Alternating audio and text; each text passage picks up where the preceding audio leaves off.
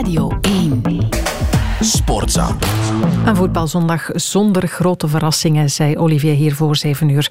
Maar toch is er altijd stof genoeg om over te praten met Peter van den Bemt. Goedemorgen, Peter. Goedemorgen. Want er is toch één overwinning uh, met een zwarte rand, hè? die van Union zaterdag in Charleroi. Dante van Zijr verbaasde denk ik iedereen. Hè? Met een slag in het gezicht van zijn tegenstander. Uh, toch iemand die een beetje als de ideale schoonzoon gezien werd. Wat is daar gebeurd? Wel, wat mij betreft uh, is Dante van Zijr nog altijd de ideale schoonzoon. Hè. Het is niet ineens een vuile speler geworden of een bandiet of iets dergelijks. Uh, hij blijft een sympathieke, bescheiden, vriendelijke jongen. En ook een sportieve speler eigenlijk. Maar goed, hij heeft in dat, op dat moment wel een heel zware fout gemaakt. En daarvoor moet hij gestraft worden. Zo gaat dat in het leven ook natuurlijk. En we zijn natuurlijk, ik weet het, een beetje geneigd om net uit sympathie voor die vriendelijke jongen van Zijr of voor dat prachtige verhaal dat Union schrijft wat milder te zijn. Maar ja, dat kan natuurlijk niet. Hè? En zijn, zijn blanco strafbad is zeker een argument in het bepalen van eh, de strafmaat. Zo is het eh, voor burgers in het normale leven ook. Maar voor de daad zelf zijn er geen verzachtende omstandigheden. En ik weet wel, bij Union proberen ze dat natuurlijk wel naar voren te schuiven. Mm Mazou eh, deed dat al een paar anderen ook. Maar niet de mogelijkheid van extra druk bijvoorbeeld voor hem in de schijnwerpers. Of niet de, de stress, de frustratie van een paar mindere prestaties. De gemiste penalty van vorige week tegen Sint-Truiden. Of het feit dat hij als spits veel moet incasseren. Dat hij zich wilde losrukken. Nee, dat soort dingen, dat rechtvaardigt helemaal niet. Een klap in het gezicht daarvoor is Van Zijer enkel zelf verantwoordelijk. Nu, wat mij betreft is wat Van Zijer deed in niets te vergelijken. Die werd hier en daar al wel een keer gemaakt met het incident met Gilles de Bilde een tijd eh, geleden. Dat was toch nog wel wat anders. De gevolgen voor het slachtoffer eh, overigens ook. Ik herinner me wel nog eh, van een jaar of negen geleden een vuistslag van Carcela, Medi Carcela van Standaard in Leuven, aan Björn Ruitings. Na een tackle was dat, waarbij Carcela overigens zijn enkel ligamenten scheurde. Ruitings dan ook nog een beetje treiterend stond te lachen. Wel, daar heeft, uh, heeft de voetbalbond wel rekening gehouden met die verzachtende ja. omstandigheid. Als reactie was het een, een minimumstraf van vier weken. Dus ik zou zeggen, we rekenen op een wijs oordeel. En dat kan dan wel losgekoppeld worden van uh, moraliserende overwegingen over voorbeeldfunctie en dergelijke. Ja, ja, nee, dat hoeft er allemaal niet bij. Een bezinningsperiode voor Van Zijr en dan kan hij Union nog altijd kampioen maken, denk ik. Ja, want Union heeft ook zijn verstevigd. Hè. Eerste achtervolger Antwerp verloor thuis van KV Mechelen. En uh, als we kijken naar de scherpe reactie van de coach, van Brian Priske, ja, dan is dat toch wel hard aangekomen, die nederlaag. Ja, uh, uit teleurstelling ongetwijfeld. Hè. Wat overigens een echt heel goede wedstrijd was, uh, vond ik. van de twee kanten, met veel kansen. Alweer een sterk en goed voetballend KV Mechelen. En Antwerpen ook even verdiende beter dan de nederlaag. Maar goed, weggeeft doelpunten en zelf kansen niet benutten. Vaak ook niet tussen de palen trappen. Dan kan je moeilijk scoren natuurlijk en dan verlies je. En, en Priske slaagt er nu toch al het hele seizoen niet in om zijn ploeg constant niveau te laten halen. Soms zijn ze echt heel goed Antwerp. Daarvoor hebben ze ook de kwaliteit. Het is een kwaliteitsvolle kern, heel breed. Maar niet collectief niet individueel. Die constante erin. Een paar zwakke prestaties, zoals tegen Sint-Truiden. Eigenlijk ook op Kortrijk. Oké, met een man minder. Op Gent. Al werden die laatste twee wedstrijden wel gewonnen. 1 op 9 thuis. Bepalende spelers. Gisteren als Nainggolan. Daar mogen we toch naar kijken. Want dat is toch de vedette van de ploeg die het niveau niet halen. Ja, dan heb je toch een probleem.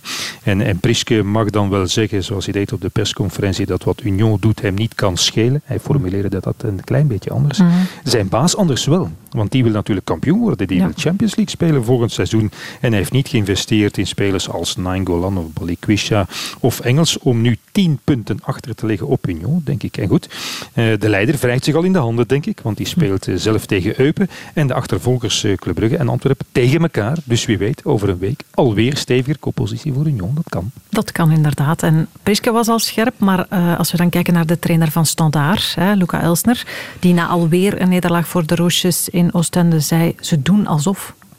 Ja, het was het discours, moet ik zeggen, van een trainer die het uh, ja, niet meer weet, die ten einde raad is, die alles geprobeerd heeft, alle mogelijke spelers heeft opgesteld, uh, geslagen heeft en gezalfd. Voor de zoveelste keer moet vaststellen dat uh, te veel spelers van Standaard het niet kunnen opbrengen om voor de clubkleuren te voetballen. En hij zei, ze doen alsof ze alles geven. Ze -huh. denken al snel dat ze geweldig hun best hebben gedaan, dat ze zichzelf hebben pijn gedaan voor de ploeg, maar het is helemaal niet zo. Dat was bepaald te vernietigend. Hij leek mij ja, woedend vermoeid, machteloos en ook wel een beetje berustend, moet ik zeggen. Dat is toch het discours wat ik zei van een trainer die beseft dat hij gefaald heeft. Heeft hij zelf ook gezegd. Is met toch hoge verwachtingen naar standaard gekomen. Leek al een beetje een voorschop te nemen op uh, wat eventueel een ontslag zou kunnen zijn. En het, uh, het is uh, een beetje vergelijkbaar met Baye Leijer. Die stond daar in Oostende een jaar geleden ook bij de start van Play-off 2. 6-2 verloren. En we zijn een jaar later en er is eigenlijk niets veranderd bij standaard. En ik zei het al, Elsner stapte op bij KV Kortrijk. Was helemaal niet zo omdat hij dacht in Luik bij een grote club met meer mogelijkheden eh, terecht te komen. Maar dat valt te lelijk tegen. En kijk, in Kortrijk amuseren ze zich te pletter hè, en lonken ze nog naar eh, de play-offs. En in Luik is het toch een uh, triest treurspel. Ja, nog net boven degradatievoetbal misschien. Zulte ja. Waregem daarentegen kan dat niet meer zeggen. 5-0 verloren in Kortrijk. En ook alweer ja, ongeregeldheden, zal ik het maar noemen, met ja. de supporters. Ja, en op Frankie de Ruy kunnen ze het nu niet meer steken. Hebben ze de, laten we zeggen een jaar of twee gedaan. Dus het zal toch niet allemaal de schuld van Frankie de Ruy zijn geweest. En, en de problemen zijn dezelfde gebleven. Af en toe voetbalt Zulte echt wel goed. Hè. Zoals een week geleden hebben ze toch in de tweede helft uh, Anderlecht uh, nog flink in de problemen gebracht. Maar ja, altijd die makkelijk weggegeven, kinderlijk makkelijk weggegeven doelpunten. En dan mogen ze zich zeer gelukkig prijzen dat ze met Vossen en Gano in de loop van het seizoen scorende spitsen hebben gehad. Of ze stonden gewoon naast Beerschot helemaal afgescheiden onderaan 61 60 tegendoelpunten al. Zo sukkel je onvermijdelijk onderin. En ja, Zulte moet toch echt oppassen, denk ik. Ze hebben nu nog drie punten voorsprong op Serrain, plaats 17. Een plaats die eh, barragewedstrijden doet, eh, doet spelen. Die hebben nog een inhaalwedstrijd goed. Dat is wel op het veld van A-agent. En, en het programma is, is moeilijk, want zondag is het tegen Serrain. Die moet je toch maar winnen, die wedstrijd. Want nadien nog uh, een pittig programma. Nu, dat geldt ook wel voor Serrain, voor alle duidelijkheid. En echt strijden om het behoud in de aller laatste weken van de competitie. Ja, dat is niet iets waar de club uh, echt vertrouwd mee is. Dat brengt zeer specifieke stress met zich mee, laat ik mij toch altijd vertellen, door mensen die daar wel in gespecialiseerd zijn. En ze hebben met het trainersduo Simons de Vouw misschien wel een veelbelovend duo op de bank zitten, maar toch één dat onervaren is als coach en al helemaal onervaren is in, het uh, omgaan met die specificiteit van, van degradatievoetbal. Dus ik herhaal het nog een keer, je kan maar beter winnen van uh, Serrain of het wordt echt wel een probleem duidelijke waarschuwing is dat. Dankjewel, Peter van den Bemt. Sportza. Sportza.